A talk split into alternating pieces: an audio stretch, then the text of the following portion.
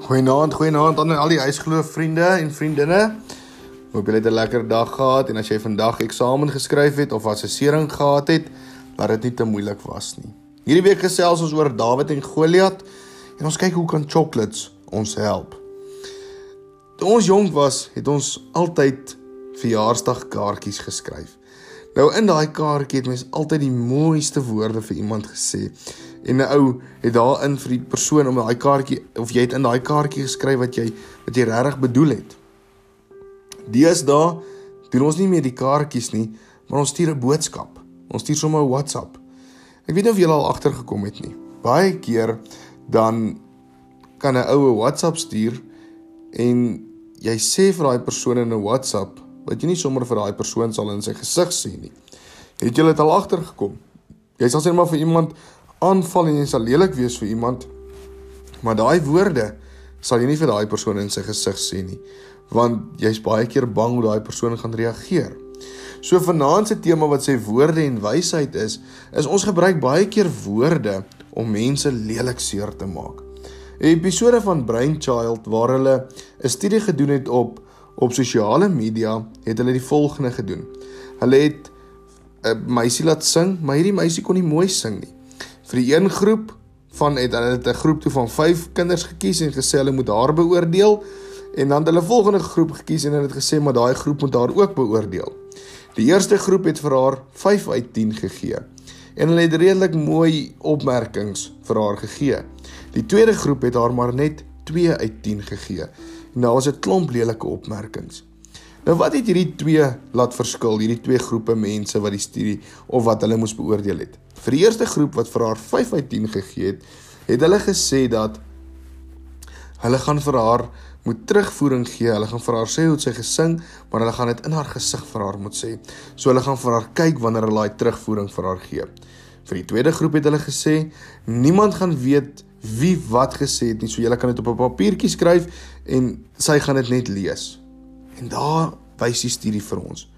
Ons sal baie maklik vir iemand iets leeliks kan op 'n SMS sê of of of in 'n brief skryf of 'n e-pos, maar wanneer ons daai persoon in sy gesig moet kyk en wanneer ons met hom in sy oë kyk en met hom praat, dan het ons nie die guts om dit te doen nie. Kyk 'n bietjie wat doen jou woorde? Hoe maak jou woorde seer? Die manier hoe jy praat, dit kan dalk bepaal hoe hoe iemand gaan reageer. Nou Vandag se chocolates is 'n PS. Nou ek weet nie of jy al gesien het nie. 'n PS het net mooi goed daarop wat staan. Of ek is jammer of I love you of hier's vir jou 'n hug of kiss me of of so iets. En dit moet die PS jou leer. Praat opbouende opbouende woorde. Praat woorde wat wat mense nie gaan laat sleg voel nie, maar wat mense beter gaan laat voel oor hulle self. Ons gaan weer vanaand selfde gedeelte as gisteraand lees.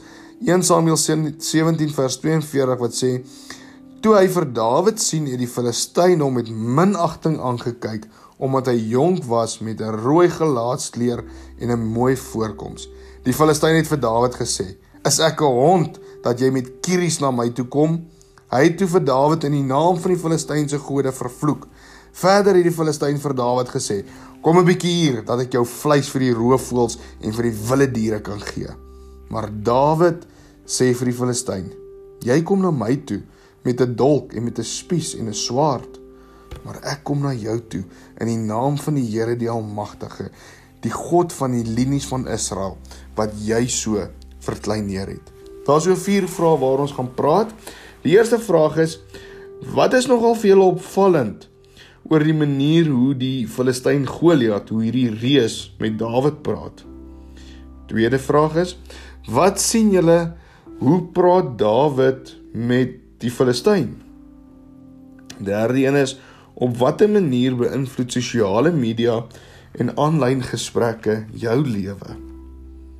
En dan die vierde vraagie is: Vertel van 'n keer toe iemand iets moois vir jou gesê het en dit jou laat goed voel het gaan 'n bietjie, gaan koop 'n PS en gaan sê vir iemand, weet jy, jy is cool of jy's oulik of of gaan kyk, gaan kry 'n bietjie daar 'n PS. Dalk is daar iemand wat sê thanks, dankie en gee vir daai persoon daai PS. Kom ons bid saam.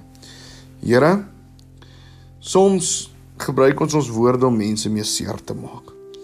Maar vandag vra ons vir die wysheid om hierdie woorde van ons te gebruik om mense op te bou en om mense en om mense net die mooi van U te laat sien en so ook die mooi van ons. So Vader, gee ons die krag om woorde te gebruik wat mense nie sal seermaak nie, maar wat mense sal laat goed voel oor hulle self. Dankie dat ons dit vir U kan vra, o Here. Amen. Mooi aan verder.